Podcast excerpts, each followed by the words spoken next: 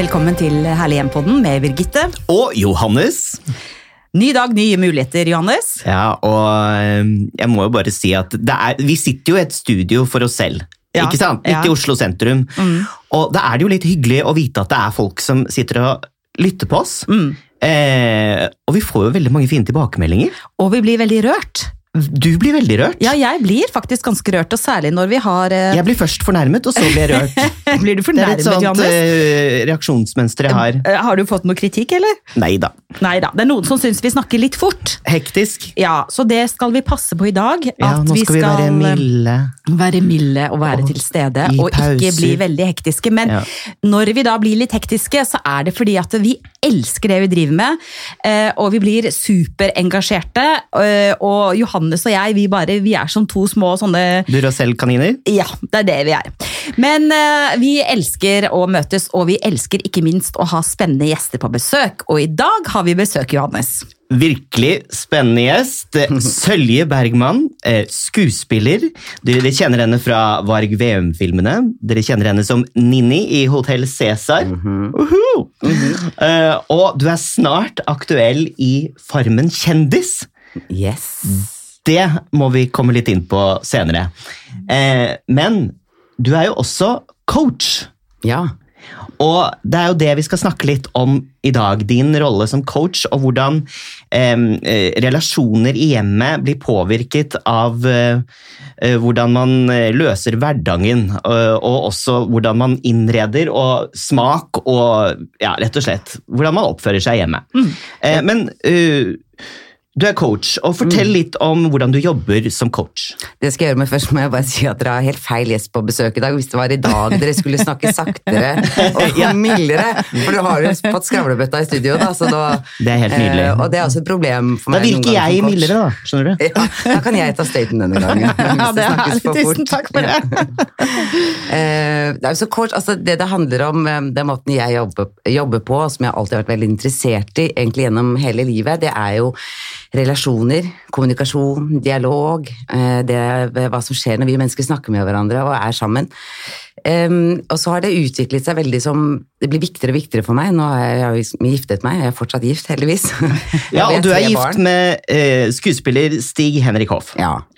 Kjent fra bl.a.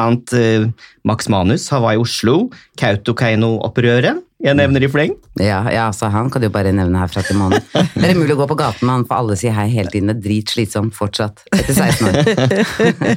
Eh, Men ja, tilbake til coach, ja. Mm, det, og det som jeg har sett som blir viktigere og viktigere for meg, er det, samfunnsånden. Den må man jo ta inn, parallelt med det, livet man lever. Og da har jeg et litt sånn mantra i eh, hodet mitt som person, og det er at hverdagen er hver dag. Eh, og det er den vi skal etterstrebe å få det best mulig i. Eh, og vi har disse bonusene eller festene eller gulrotene langt der fremme. Og jeg tror altfor mange av oss strever, liksom sier at ok, jeg skal klare denne hverdagen og alt det kaoset, for jeg har den gulroten der fremme som jeg gleder meg til. Og jeg har lyst til at man skal skifte det fokuset. mm. og det driver jeg også med coaching, for da handler det om eh, først og fremst det positive menneskesyn. Altså at vi må klare mest mulig å tenke positivt, og det finnes masse verktøy og måter å gjøre det på, men ikke minst å leve her og nå. For det vi har, er her og nå og fremover. Altså, what's behind is behind.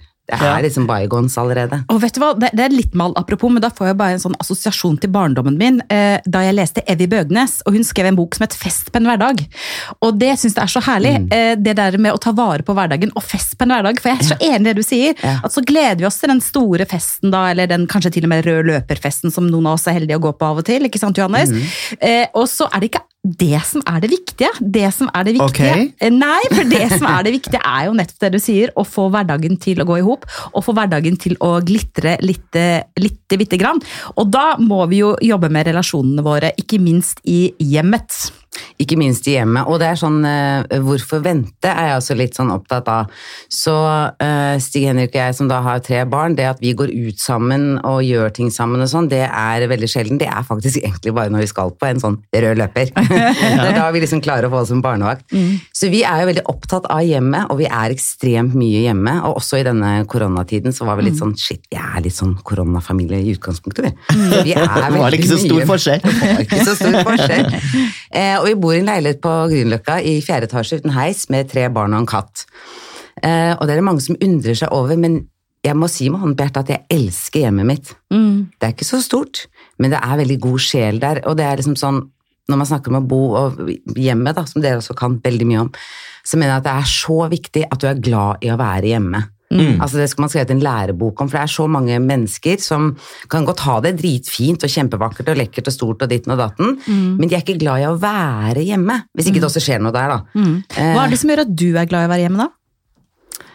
Eh, For det er jo helt meg selv. Det er liksom mitt sted. Ikke, jeg trenger ikke et rom eller en furtekrok som er mitt sted. Det er hjemme, det. Det er liksom alt eh, faller på plass. Jeg ser det på barn og på meg og på mannen min og alle som kommer også. Så er det noe med at eh, hjemme, det er, eh, ja, det er et vidunderlig sted. Så hjemmet ditt reflekterer hvem du er som person. Din personlighet. Ja, det reflekterer nok utrolig mange sider av meg, både på godt og vondt, tror jeg. Ja, ja, du er jo skuespiller, du har jo alle, alle fasetter. Men hvordan, hvordan ser det ut hjemme hos dere? Jeg skulle gjerne likt å vise på det dere alle bilder. Du, Det er jo en 83 kvadratmeter stor leilighet med tre rom og kjøkken, så den er, og Stig Henrik er i all beskjedenhet en krisemaksimalist. og hadde ikke han vært uh, litt sånn oppegående kulturelt og eh, intellektuelt, så hadde han vært en sånn American hoarder. Skjønner du? Som har bodd i sånn trailer park og bare samla, samla, samla på han. Unnskyld, Stig Henrik. Men han samler veldig på ting, og han elsker at det er masse, masse Han vil liksom at alt skal være det derre hule biblioteksfølelsen. Og det kvalte meg litt når jeg ble sammen med han for eh, herrens år siden, for da trodde jeg selv at jeg var litt sånn peng shui og minimalist og sånn. Men inni hjerteroten er jeg også en samler, for jeg vokste opp med veldig lite. Så alt jeg fikk, har jeg alltid passet veldig godt på. Så selv om ikke jeg trenger at alt står fremme, så har jeg uendelig mange bokser på, i kjeller og på loft. Så, mm. Det handler om å, å Hvis man har hatt lite, eller har opplevd å miste, sånn som vi har snakket om tidligere. ikke sant? Min far han var en samler. Han vokste opp under krigen. Eh, Finnmark brant, han mistet alt. Han ble en samler eh, fordi han eh, hadde mistet alt. Og hvis du har vokst opp med lite, så blir du mer bevisst på hva det er du har, og jeg tror at man får en dyp takknemlighet. Og jeg tror at når man besøker mennesker som har en takknemlighet i forhold til de faktisk har et hjem, at de faktisk eh, har møbler, at de har et sted som er en trygg sone, så avspeiler det eh, hva det hjemmet utsondrer. Og der tror jeg at det er det som blir hjemmet sjel. Da. Det ble en, en lang Jo, men enig. refleksjon. Jo, men- men og det er det som er, for jeg har tenkt mye på, fordi eh, altså rundt meg og mine omgangskretser så er det utrolig både god økonomi, men mye stil og style og mote og interiør og sånn. Og jeg har alltid undret meg på, liksom, gjennom folk, hva er stilen din hjemme da, for eksempel? Jeg har ikke peiling, altså det jeg liker og det jeg ikke liker, og, uh, og så har jeg liksom prøvd liksom å arrestere meg selv litt på at ja, men det er veldig sånn hot nå, det, det er kanskje det hadde vært kult. Og så er det sånn, jeg skjønner at det er lett å bli litt forvirret, eh, for skal jeg ha et hjem som jeg skal vise frem, så alle sier wow, wow, wow, eller eh, ikke sant, skal det være sjela mi, da? Eh, og Stig Henrik, selvfølgelig, og barna også nå. Og så kjenner jeg på at når man også lener, seg- eh, lener seg litt tilbake der og slapper av, så vokser egentlig frem av seg selv. Sånn som jeg fortalte Johannes i går, at jeg malte en vegg i stuen rosa. Så tenkte jeg med en gang herregud, det er ingen som maler stueveggen sin rosa, selvfølgelig. En sånn gammel rosa, den er helt nydelig, da. Men jeg kjenner at jeg blir så glad av det.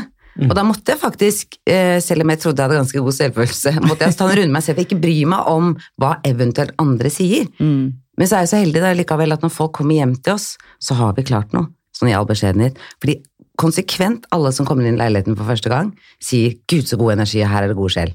Og da blir jeg så glad. Ja. Det er sant. Og, Jeg husker ikke om du sa det Johannes. jo, jeg, jeg, jeg jeg kjente veldig på det, og det går jo gjetord om eh, den ene stueveggen deres med, eh, over sofaen. Ja. Kan du ikke for, fortelle meg litt om den? Jo, altså det, det begynte jo med uh, Stig Henriks, da, som har veldig mye ting, som lagde Fordi han også samler på ting han kan lage noe ut av. Så det var masse sånne kjellerknekter og sånn, som egentlig er ganske stygge, og så masse glassplater. Så det blir altså sammensurium av et hyllesystem. Uten noe system. Og inni de hyllene har vi puttet altså, alt mulig rart. Fra bøker, fra ting jeg modellerte da jeg var 18 år, fra hans eh, sånn lommelerke til en klokke som ikke virker, og barna leker eh, Det morsomste nå er barn leker med LOL, altså sånne små dukker og sånn. Mm. De har et dukkehus, men istedenfor å bruke dukkehuset, så bruker de hyllene. Så Nei, det er i så mange gøy. etasjer. Ja. Så de lager sånn leiligheter da, i disse hyllene. Så hvis det er de du tenker på, ja, så er Ja. det Og nå har jeg tømt halvparten jeg tok ut halvparten, 50% av innholdet i alle de hyllene på hele veggen, og det er fortsatt kaotisk fullt. Men det er så kult å, å, å se på, Birgitte, for det er noe nytt overalt. Og det blir jo på en måte en slags eh, settekasse, eller en, en reise i minner fra deres liv, da. Mm. Det var godt sagt, det skal jeg begynne å si. Har du sett settekassen vår? Ja. Men er det ikke det vi har snakket om også tidligere, Johannes, at det som da skaper et personlig hjem, eller gjerne et eh, hjem med sjel, er jo et hjem som forteller noe om mennesket som er der, historien deres, reisene de har hatt, eh, barna deres, at det er inkluderende. Og dere bor altså fem mennesker, da, to barn og, nei, tre barn og to voksne og en katt på litt over 80 kvadratmeter, og jeg bare elsker det. Eh, ikke sant? For at det, er, det handler ikke alltid om å ha liksom 350 kvadratmeter og det, er den siste nye designsofaen fra en eller annen, eller det der Kate Moss-bildet. Unnskyld at jeg sier det, men Å, bare si det. Altså. Ja, Alle har et det jæskla? Kate Moss-bildet som hun står og røyker. Altså, guys, eh, finn på noe nytt. Eh, men det var dagens Finn på noe nytt, få inn Brigitte Bardot. Ja. Or Men du, jeg må si at jeg har måttet forsvare meg. Dette er forunderlig, dere. Fordi eh, når jeg fikk ett barn, så var det greit. Og når jeg bare sa nå er vi gravid med barn nummer to, så sa alle ja, nå skal, da må dere vel flytte, da. Altså jeg var sånn, Skal du ikke først si gratulerer og gøy og sånn? Nei, ok. Men og oppfølging? Nei, vi skal ikke flytte. Og når jeg da var gravid med nummer tre, altså da hadde jeg nesten ikke lyst til å si at jeg var gravid, for jeg visste hva som kom. Og det var nå må dere flytte! Så stusslig at det er første ja, og så ble jeg så lei meg, så sa jeg, og så jeg- var jeg litt sånn, også sånn annerledesmamma som var hjemme med dem også, da, veldig lenge. De begynte ikke i barnehagen før de var tre år og sånn. Så sa jeg det er helt vidunderlig å bo så lite, fordi det gir meg masse frihet. For uansett hvilket rom jeg er i, og uansett hvor de er, så ser vi hverandre. Ikke sant? For det er sånn, sånn leilighet man kan gå rundt og rundt da. Så det å bo lite når barna er små, det er veldig undervurdert. Det er i så fall nå etter hvert, når man begynner å ta for en teenager, da blir jeg altså litt sånn svett da. Men, eh, og tenke hvordan vi skal løse det. Men, men samtidig, og det er så rart, for det er det første folk tenkte var det ytre, det materialistiske, Mm. og, og hvordan klarer du også å gå opp fire etasjer da, med disse barna. Men et hus er et hus, et hjem er der menneskene bor. Eh, Ja. Det er jo noe med det. Men du, en ting som jeg lurer på, i og med at du er skuespiller, da. Hva Ja. er fellestrekkene eh, mellom det å være eh, skuespiller og det å være coach? Åh, det er at vi Jeg hadde tenkt litt på det. Og det er, for, for meg så er det sånn at jeg ønsker jo å formidle noe til mennesker. Og gi dem en opplevelse av noe. Bevege dem på en eller annen måte. Men så kjente jeg som skuespiller, og det er jeg fortsatt, og har, har veldig lyst til å jobbe mer med det, jeg skal gjøre teaterstykke nå, men det er noe med at da er jeg en karakter som formidler noe. Mens jeg, Sølje Bergman, også bobler over av ting jeg har lyst til å prate om og gi til mennesker. Så jeg vil også gjøre det som bare meg selv. Som Skrella, som skuespiller, så er jeg jo, tar jeg er jo et annen, en annen karakter, et annet individ. Så det blir liksom to forskjellige måter å gi noe til mennesker på, da, sånn at de får en opplevelse og berøre dem kanskje bitte litt. da. Hva er det du ønsker å gi til folk som eh, relasjonscoach? Jeg ønsker å gi dem en god selvfølelse som gjør at de klarer å leve livet sitt på best mulig måte her og nå, og skjønne at eh, alt du gjør, alt du har lyst til å gjøre, alt du kommer til å gjøre, det må komme ut ifra at du lever innenfra og ut, ikke utenfra og inn. Som betyr da er at du må finne alt i deg selv, du må hente frem i deg selv dine ressurser, dine kvaliteter, dine verdier, alt det som er viktig for deg. Det er det du skal kjempe for gjennom et langt liv. Eh, og vi er jo veldig påvirket nå, og vi blir det mer og mer av samfunnet. Det er så utrolig mye ut, eh, inntrykk utenfra som påvirker oss, både bevisst og ubevisst.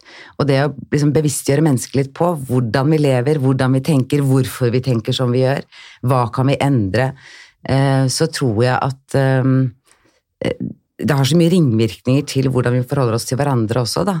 Det gjør jo meg veldig modig i samtaler med mennesker hvor jeg tør, tør veldig mye i møte med et annet menneske på kommunikasjon, for jeg vet hvordan jeg skal forklare meg, men jeg vet også hvordan jeg skal prøve å nå inn. Jeg er ikke redd for at 'oi, jeg nådde ikke inn første gangen', nei, da prøver jeg en annen innfallsvinkel. Altså, jeg er nysgjerrig på det, og jeg ønsker at vi mennesker skal være nysgjerrige på relasjoner til hverandre, for det er sånn vi kommer fremover og oppover. Men Det var veldig fint var sagt. Og jeg, og jeg tenker, Som skuespiller også, så må du jo se eh, Du må jo utforske hele karakteren. Du må jo bli kjent med mennesket. Du må jo se helheten. ikke sant? Og det er jo på mange måter det du må gjøre som coach òg, da. Sånn som du beskriver det. Men hvis vi da skal ta det i en, en, en um, huslig, hjemlig eh, Ja. Ser du meg, kontekst Birgitte? Jeg ser deg, kjære Jan. Ja, jeg ser deg. Jeg ser deg òg, bortsett fra at jeg ikke kan ses. Men hvis vi skal snakke om hjem eh, og relasjonskompetanse ja. elsker ordet relasjonskompetanse. For eh, det må jo være det viktigste vi besitter som mennesker. Altså den evnen til å faktisk være sammen med andre. Men vi skal snakke om eh, den norske heimen. Ja. Eh, og da er det jo en del krangling ute og går. Når man pusser opp, eh, hvor er fotballdrakten, hvor er fotballskoene, hvorfor har ingen stabla ut oppvaskmaskinen? Eller som jeg irriterte meg grenseløst over, av de skoene som står den lille gangen. Sønnen min har størrelse 44 sko, mannen min har størrelse 45. Så de har to par joggesko hver i inngangspartiet, så er det liksom fullt. Irriterer meg. Hvordan skal man gå fram for å unngå eh, konflikter og styrke relasjonene i hjemmet? Eh, jeg har noen triks i boka der. Ja. Altså, jeg vil si først nummer én, litt sånn humoristisk, altså choose your battles. Mm. Nummer én. Eh, men hvis man skal ha et langt liv sammen, det handler jo om at man Vi har jo forventninger. Jeg har mine forventninger, og dere har deres forventninger, og de er antagelig ganske forskjellige. I det øyeblikk vi begynner å diskutere en tematikk uten å ha avklart forventningene rundt den, så vil vi antagelig gå i en clinch. Eh, og det er ikke noe unaturlig, det er ikke noe feil, men det er fordi at jeg vil snakke ut ifra hva jeg tenker og synes og vil, og det vil vedkommende gjøre. La oss si Stig Henrik, da, mannen min. Det vil han også gjøre. Og da møtes vi jo ikke. Så er det mye bedre å starte med eh, ok, vi skal innrede stuen, da. Eh, hva, hva, har, hva tenker du, hva har du lyst til, og hva har jeg lyst til? Og er det ganske likt, er det jo tjo og hei, og hvis ikke det er så likt, så ok, kompromisser. Ikke sant? Hva er greit for deg, og hva er greit for meg? Hvor kan, kan jeg få velge den sofaen, så får du velge bildet eh, over? Um, som er litt sånn standard. Men ikke minst så handler det om at hva er viktig? Ikke sant? For noen ganger så er det viktig å ha en mening. Jeg har levd sånn veldig lenge at Sølje Bergman har alltid en mening. Det har vært veldig viktig for meg. Og så har jeg skjønt at det er ganske innholdsløst hvis ikke det er en intensjon med den meningen. At jeg bare skal mene noe for å få i gang en diskusjon. Ja, men. Intensjonen kan jo være at du vil få gjennom vilja di. Jeg vil ha brun sofa! Ja, Det er- men da må du også være ærlig nok til å si at eh, jeg vet ikke engang hvorfor det er viktig, men jeg bare vil det. Eh, Det kommer til å gi meg en glede. Kan du gi meg den gleden? Altså, det er noe med å være ærlig og være i forkant eh, og, og forklare hvorfor det er som det er. Og hvis du ikke vet det, så tenk litt på det. Og jeg har borti det mange ganger at jeg har tenkt at ting er veldig viktig for meg. Og så, også innredningsmessig med Stig Henrik. Og så har jeg tenkt noen ganger er det så farlig egentlig? Nei. Og, det, er vi, og så har vi et sted på Finnskogen som eh, Stig Henrik og jeg har kjøpt sammen. Et bitte lite småbruk. Og det, det, det elsker vi, for der kan vi gjøre hva vi vil. For det er ingen voksne som kommer og forstyrrer oss, og det er ikke noe arv og ingenting. Så der kan vi leke oss øh, øh, leke fritt akkurat som vi vil. Men da har jeg også skjønt at det er så viktig å bare la hverandre blomstre litt og gjøre litt på egen hånd. Altså Stig Henrik pusler og holdt på hele tiden, og jeg ble jo helt koko. Altså plutselig, det var for eh, Det er ikke lenge siden jeg kom opp på Finnskogen og har vært der litt alene, da, så liksom er det mange forandringer. Det er eksempel en sånn liten sånn glassfugl som noen jenter har kjøpt på et loppemarked som er dritstygg. Den har han limt opp over peisen. Så sa han ja, for jeg var lei av at den lå rundt, så jeg tok limpestolen og limte den opp. Og så tenkte jeg grusomt om jeg tar vekk. Så går det ti minutter, så har jeg glemt den. Mens nå når jeg ser på den, tenkte jeg det er egentlig litt morsomt. At han bare gjorde det, og den er litt søt. Så nå står den der, da. Klistra på veggen. Så det er ikke en kime Fikk du noe svar nå, Birgitte? ja. absolutt. Men det er ikke en kime til eh, krangel, det. Altså, at, eh, at dere bare tar beslutninger på hver deres eh, hånd og gjennomfører det. Du malte jo også en vegg i gull hjemme, gjorde du ikke det? Ja, nei, ja, og bare for å svare på det første. Jeg tror at, um, For det er en annen ting som jeg som brenner veldig for, det er frihet i tosomhet. Ja. Altså Det er liksom noe av det viktigste hvis man skal få en, et godt ekteskap eller samboerskap eller et parforhold da, til å vare, så er det noe med det å gi hverandre den friheten til å være et individ. Og det går jo tilbake til jeg snakket om før, at er du trygg i deg selv, så lar du den andre fly, eh, for du vet at det er dere to. Og det gjelder også hjem og interiør. Fordi, og jeg mm, testet en final test da, på Stig Henrik, eh, var for noen år siden da barna var veldig små, og jeg hadde så lyst på sånn brokadegulltapet på veggen, som er Ah. ganske voldsomt, på kjøkkenet. For der har jeg også lysekrone. Eh, og så visste jeg at hvis jeg viser den tapeten som er sånn beige og gull, så kommer Signe og sier er, altså, glem det, liksom. Han vil helst sveise noe, han. Altså, han er jo sånn. Og så tenkte jeg nå bare gjør jeg det. Og så gikk jeg og kjøpte tapeten, og på natten jeg hadde lagt de små barna, så sto jeg klokka to og fikk opp den tapeten på hele den veggen. da. Og så kom han hjem, og så syntes han det var dritkult. Og så sa jeg det visste jeg, at du ville like det, men du hadde aldri likt det. Og det var han enig i, da. Så jeg snakket med han på telefon, for jeg kom inn sånn Du må huske det med den tapeten, da. Det eneste som er gøy med tapeten, er at jeg var jo veldig hormonell, hadde små barn, og jeg gjorde det midt på natten, så tapeten er opp ned. Det gjør Det gjør ikke men Det ikke jeg, jeg tenker sånn, Nå fikk vi mange gode råd her, Johannes, og kjære lyttere, nå fikk dere mange gode råd i forbindelse med f.eks. krangling i hjemmet. Enten det handler om oppgaver som skal gjøres, plikter, eller eh, valg når det gjelder interiør. Det ene er altså bered grunnen først. Altså Sett dere ned og prat. Eh, Finn ut av hva er viktig, og hvor viktig er det for deg? Kanskje må du faktisk si til partneren din at ja, men gjør det bare fordi jeg, jeg har så lyst til det, og det vil gi meg stor glede. Jeg vet ikke helt hvorfor, men gled meg. Eh, og så oppfatter jeg at du sier til at andre, eller den andre som bor der, eller barna, eh, kreativitet, Mm. eh, mulighet til å uttrykke seg. Kreativitet er kjempeviktig, det er noe grunnleggende hos alle mennesker. Mm. Og eh, vær litt raus. Ja, og, og tåle litt. Altså, vi må tåle hverandre litt. Altså, jeg har jo valgt Stig Henrik med hud og hår og mer til, så da må jeg også tåle at han har litt annerledes smak enn meg. Jeg kan ikke putte han nå da inn i ikke sant? Om det da er interiør eller at han slenger sokker på gulvet som kan irritere meg, så er det sånn Det er ikke det som er viktig. Nei. Og det har jeg lært meg også med interiør, oh, at det er ikke det som er viktig. Apropos det der med hvis noe er viktig, det Mm. var en klok dame jeg møtte på en fest en gang som sa, fordi at da satt vi og klagde litt, da, sånn kjerringklaging. Mm. og så, og kjerring med all mulig kjærlighet i ordet, eh, klagde jeg over alle disse skoene, at det blir gærne at alle setter fra seg skoene i gangen, og at det bare fyller hele gangen. Så sa hun, ja men du, ærlig talt Birgitte, det er jo tydeligvis ikke viktig hverken for mannen din eller for sønnen din, men det er tydeligvis veldig viktig for deg. Og da, hvis det er så viktig for deg, ja, da får du rydde bort de skoene da, hver eneste gang eh, de, de står eh, i gangen, ikke sant? Men jeg og det har er, et- det er, eh, det er jo, hvis noe er veldig viktig og du går og klager på det, fiks det sjæl. Eh, minus i parentes. Eh, Ja, men det det, skal man være så rund hele tiden, da? Nei. Jeg, altså, jeg synes at Vi har snakket veldig mye om estetikk og smak og innredning etc., men oppførsel er jo noe man må jenke litt på, begge to. Altså, Jens er jo sånn at han bruker jo ø, vasken som mellomstasjon før oppvaskmaskinen irriterer meg grønn. Og der ligger det litt sånn slimvann ikke sant, og godgjør seg med alle matrestene, istedenfor bare å sette den det greia Jo, rett men i det som er, er at du. Altså, antageligvis irriterer deg over mange ting ved Jens. ikke sant? Ikke bare at han setter uh, oppvasken som en sånn At det trigger det, liksom? Nei, nei, nei, men altså, Nå pick ble your det veldig battles. Du, man, mørkt. man må velge hvilke fighter skal du ta, da. Du kan ikke, du går ikke, jeg går og pirker litt vel mye på mannen min, og det vet jeg. Altså, jeg sier, Mm. å, gidder du bare ta bort det? Å, gidder du bare sette inn i sin? Å, gidder du bare ta skoene dine og sette dem på plass? Å, gidder du bare, kan du bare bytte den Jo, lyspæra? men- Ikke sant? Du kan ikke gå sånn og negge hele tiden. Da blir det dårlig stemning. men, men det finnes en annen vei inn der. For det du okay. sa, når denne kloke damen sa da, for du bare gjør det selv. For jeg mener det er en, vi kan komme enda et hakk, og det er Du vet at jeg irriterer meg over skoene. Og så er det sikkert noe de irriterer seg kanskje over med deg. Ok, da tar vi eh, da tar liksom give and take. Mm. Jeg blir flinkere med skoene, du blir flinkere ikke sant, Jens han blir flinkere med oppvasken, og du blir flinkere med noe annet. Ikke sant? At man møtes, at man tar det Kaller en spade for en spade. Mm. Altså det er liksom øh, å sette seg, Og det er jo også relasjonsbygging innimellom. Ok, Nå merker jeg at begge to er litt kort i lunta her. liksom, Hva er det som egentlig er øh, greia nå? Og så kan Henrik si nei, nå syns jeg at du er så flink til å prate med alle andre, og jeg syns ikke du er så flink til å prate med meg. Eh, og så er det sånn, ok, wake up call, jeg har ikke tenkt på det engang. Og så kan jeg si, ja, men jeg er ikke så flink til å prate, for jeg er litt irritert nå på deg. Ja, ja, hvorfor det, ikke sant? Og så er det sånn, vi går rundt er irritert, og hvis ikke vi snakker om det, og da kan jeg si, jo, for nå er jeg faktisk litt lei av at jeg har fire barn i huset. Jeg rydder barnas klær, jeg rydder dine klær, ikke sant? Da kommer den.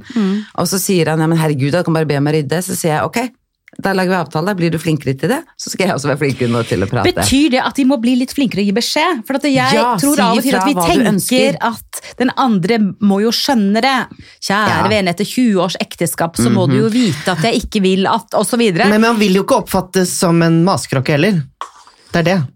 Ja, man- men man maser mye mer hvis man eh, Det er mas, underliggende stress, irritasjon over disse skoene, for eksempel, da, for å ta det eksempelet du nevnte.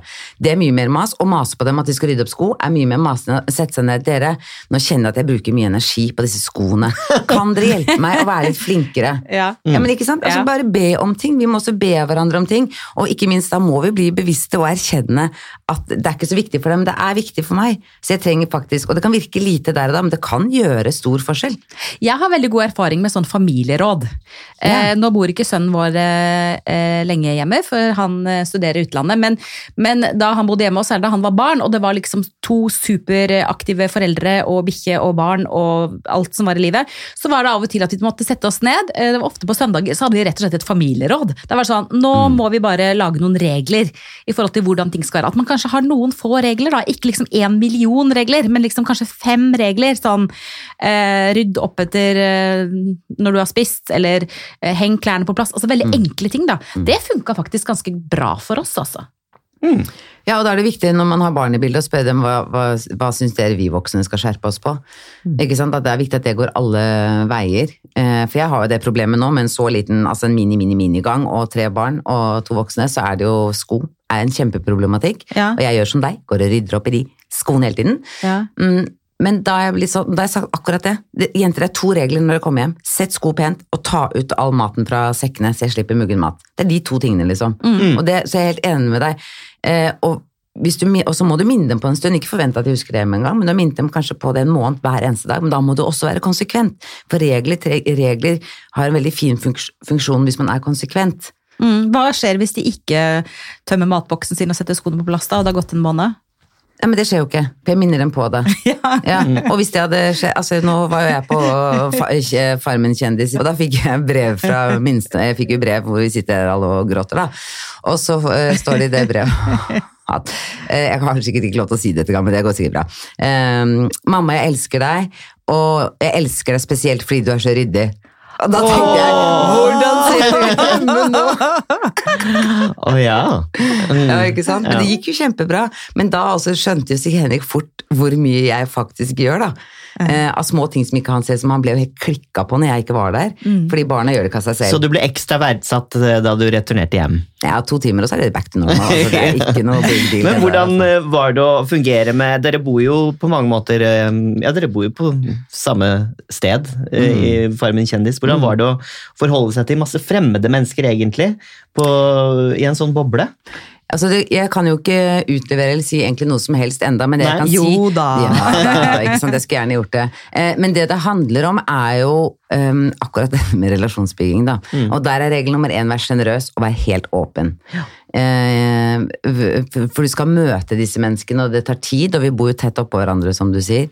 Så det handler om, igjen som Um, jeg husker Før vi dro inn på Farmen, så er det jo masse intervjuer, og sånn, og så sa de ja, for det er veldig mange som skal utenfor komfortsonen sin, snakker mye om dette med komfortsonen, at nå skal de ut av den og ut av den og ut av den.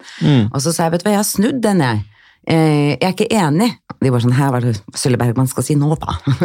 og det er fordi jeg sier jeg har min komfortsone som er meg. Den skal jeg ta med meg og gjøre mye som jeg ikke har gjort før. Men jeg skal, mitt mål er at jeg skal aldri gå ut av min komfortsone.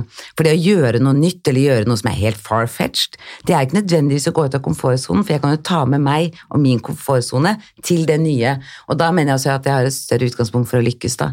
Og da blir det ikke så mye frykt eller redsel eller usikkerhet, for da er jeg jo trygg hele tiden, selv om jeg skal gjøre noe som jeg ikke har peiling på. Og det det der likte jeg veldig godt. Sant? bra Det er Det der er mange som, ja, vet du, det er det er mange som kan lære, lære av, altså det du sa nå. Det var kjempefint. Og så tenker Ja. jeg, så, så sitter folk og hører på den fantastiske du som snakker om din komfortsone og din trygghet og, og det å være kjent med hvem man er. Men så er det kanskje eh, noen som sitter der ute, da, og igjen relatert til relasjoner eller til hjemmet. ikke sant? Når man bor sammen eller er sammen med andre mennesker. Hvordan skal man eh, klare å få den tryggheten eh, inni seg?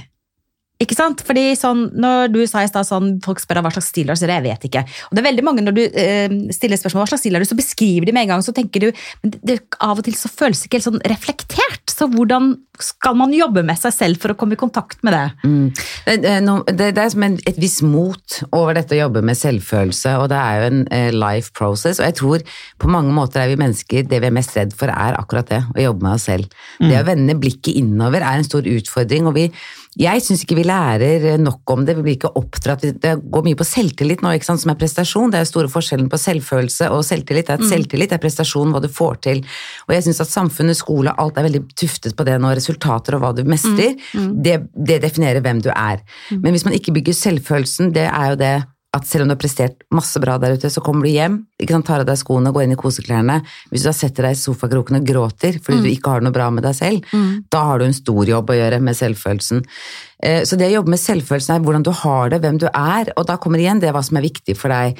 Mm, Og dette er jo, det forandrer seg og endrer seg også gjennom et langt liv, men det blir jo oftere prekært når du kommer f.eks. inn i en relasjon, eller når du møter, altså skal utfordring, f.eks. når vi snakker om hjem, da. Det at du skal innrede eller eh, ja, finne deg til rette på en eller annen måte. Eh, Så det er jo ikke noe, det er ikke noe quick fix på å få en god selvfølelse, og jeg mener at det er noe vi skal Jeg coachet en forleden dag, hvor vi endte opp med å snakke om at hva, og hun skravlet i vei og hadde problemer, og jeg hørte at alt lå der ute, da. Ikke sant? Og så til slutt, så når jeg spør henne hva som er viktig med det, og det gjentar jeg ofte, hvorfor er det viktig, hvorfor er det, hvorfor er det, grave, grave, grave innover, så endte hun med at hvem er jeg? Og så sa jeg ok, nå er vi på overskriften, liksom, hvem er jeg? Og så bare begynte hun å le, er jeg der igjen? Og Så sa jeg, men du trenger ikke være redd for det, for vi må stadig vekk stille det spørsmålet, hvem er jeg? Eh, eh, og du kan gjøre det innimellom, og på enkle ting også, sånn som eksempel når vi sitter her og skal ha podcast, og eh, før jeg kommer hit, så er det sånn sånn, liksom, hvem er jeg i dag? Hvor er sølje? Hvor er jeg tuna inn? Liksom, hva er viktig for meg? Eh, og dette er jo det vi kaller verdier, men det er jo egentlig det som er essensen av ethvert individ, er jo hva som er viktig. Og da kan du skrive lister, som for meg er liksom frihet er en av de viktigste verdiene jeg har. For noen kan det sant, være trygghet, noen kan det være tillit. Det er uendelig mange forskjellige ting, da. Pågangsmot, ikke sant, modig. Um, Uh, og det er liksom hele tiden å tørre å spørre seg selv, og du trenger ikke engang å ha alltid svaret, men det minner deg hele tiden på at det er i deg selv du har alle svar, men å få tilgang på dem krever litt arbeid. Mm. Mener, du, mener, du, at et, et, hjem, uansett stort eller smått som vi yeah. har som mantra her, eh, at et, eh, at, Eller på hvilken måte mener du at et hjem kan ha betydning for å eh, skape en ramme rundt trygghet og opplevelsen av et selv og et selvbilde? Hvis du med hånden på hjertet kan si at jeg elsker å være hjemme, mm. da tror jeg du har Da er det i hvert fall noe som er løst. Eh, for jeg opplever begge deler. At jeg ikke liker For jeg liker ikke der jeg bor. Eh, jeg bodde i New York, og da hadde jeg et par sånne opplevelser. Men da flyttet jeg fort også. Mm. For det ble uutholdelig for meg, for jeg er veldig glad i å være hjemme. Eh, så jeg tror at Og så må jeg huske at det er også en frisone, ikke sant, hjemmet. Mm. både for det ytre liv, men også for det indre liv.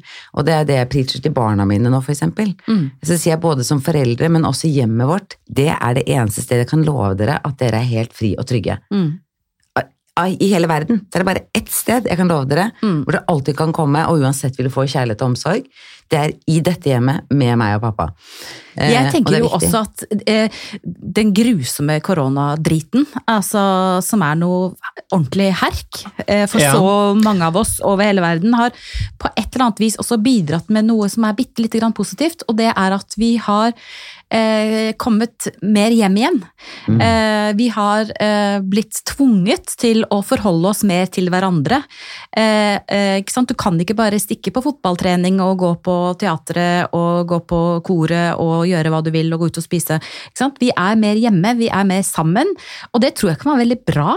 Mm. Eh, at vi faktisk også kanskje kan bygge litt relasjonskompetanse. Mm. Det har for mange ikke vært bra, for all del. Det er mange barn som har hatt det helt forferdelig, som bor i hjem som ikke er bra. men for de som er sånn ganske vanlige norske heimen, da, eh, så tror jeg at, eh, det, at vi på noen måter har kommet nærmere hverandre. Og jeg har snakket med flere folk som sier at ungene mine har elsket å være hjemme. De har elsket å ha hjemmeundervisning. Mm. De føler seg så trygge, mm. Eh, så ivaretatt. Man slipper å stå opp og ta på maska og fasaden og makeupen eller hva det nå enn er, og gå ut og møte verden med en rustning. Du er liksom fri mm.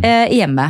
Så jeg tenker at sånn sett så har det vært en, en tid full av læring for mange. Det skal liksom være en frisone hvor du kan liksom slenge beina på bordet og gå i hva som helst eller ingenting og, og, og ha det godt. Men det var, jeg kom på mens du snakket nå, Birgitte, det med den tiden vi har vært hjemme nå. At det er en ting jeg savner her i Norge, da, som Europa mye mer av, det er den stikke innom-greia. Vi legger så mye i det, og det tror jeg også vi gjør mye når vi innrede hjemmene våre. At vi tenker helt inn på alle de som skal komme, og som skal se, og som skal besøke oss. Eh, og igjen, det er utenfra inn, ikke sant. Husker jeg snakket om det, så jeg lever mm. utenfra inn. Men hvis du lever innenfra ut, så er det på en måte det jeg skal leve i. fordi hvis jeg trives i det, så blir det veldig lett å ta imot mennesker. Mm. mm. Så eh, i forhold til også sko i gangen og orden, så har jeg også sånn Jeg har liksom to regler, da. Er at eh, når jeg inviterer, hvis jeg sier til Johanne skal vi ta en kaffe, han sier ja, jeg kan neste uke, sier jeg, men kan du ikke i kveld, da? Altså jeg mm. gjør det med en gang. Mm. Eh, eller middag. altså, og igjen igjen er det også, som jeg snakket også om for hverdags, altså det er hver dag. Mm. Så hvis folk ringer på, så er jeg bare mantra nummer én eh, jeg skal rekke, Det skal aldri være mer rotete hjemme enn at jeg rekker en horeshine, som jeg kaller det. De har gått opp trappen, og folk bruker gjerne litt lang tid opp fire etasjer, ja. men det er akkurat nok tid til at jeg kan zoom. Shine det huset, til Ja. at, at det er bra nok. Ja. At det, det er ikke perfekt og ikke nydelig, men det er bra nok. Og så elsker vi ikke perfekt. Hvem er det som elsker perfekt? Hvem er det som, som elsker å komme i et hjem der alt er bare helt perfect? Ja, Det- fordi du man- sitter og skjelver på hånden for at du skal, skal ikke sant? søle. Man elsker der du ser at det bor Ja. folk, og du tenker her kan jeg sette meg det, og her, å, de har det også litt rotete, så deilig. Mm. Altså At vi gjenkjenner eh, hverandre, da.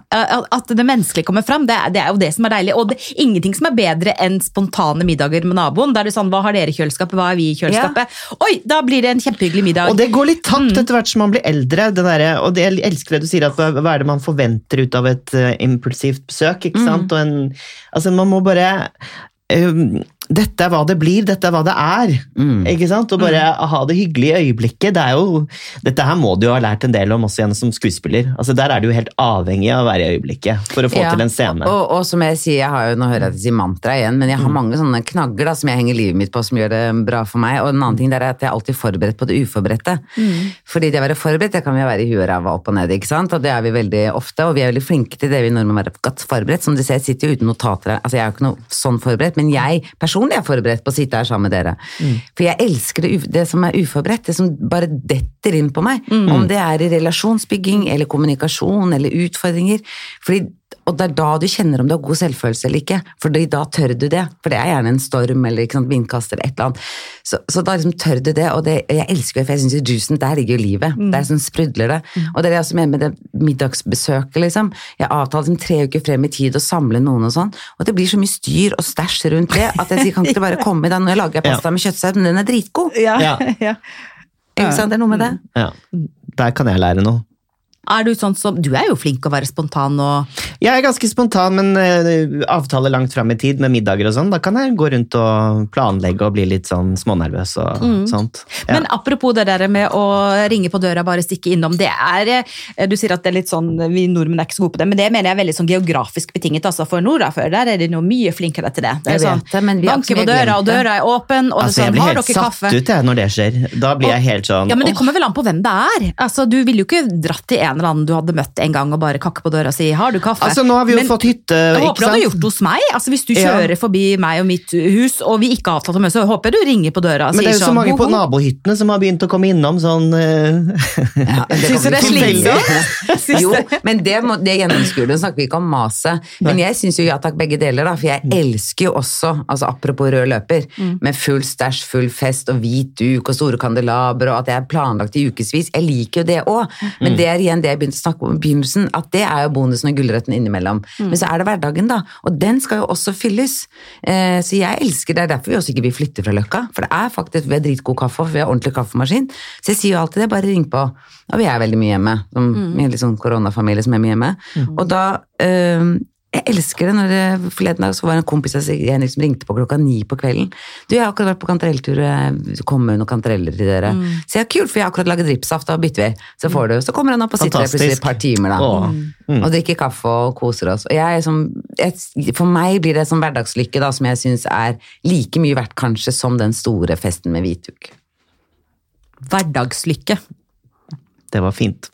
Hverdagslykke Og i det heimen. og viktig å minne seg selv på det.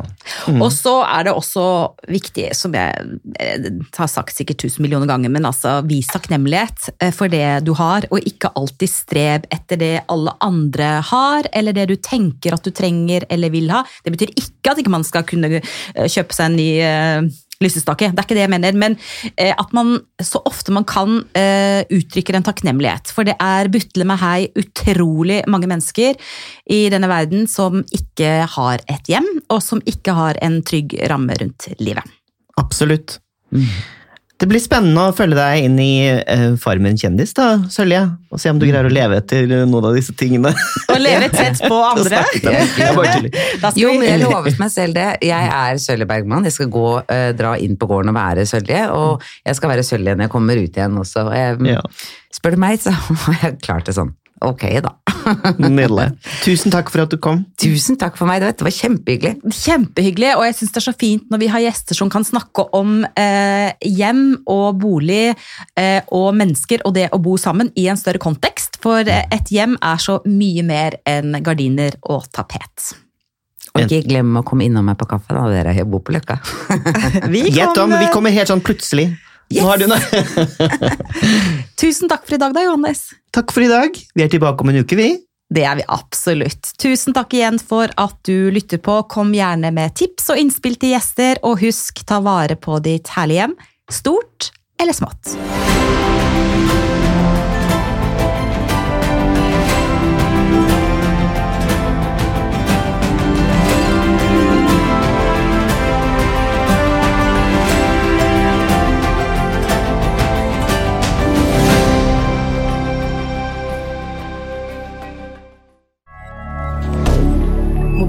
Canada.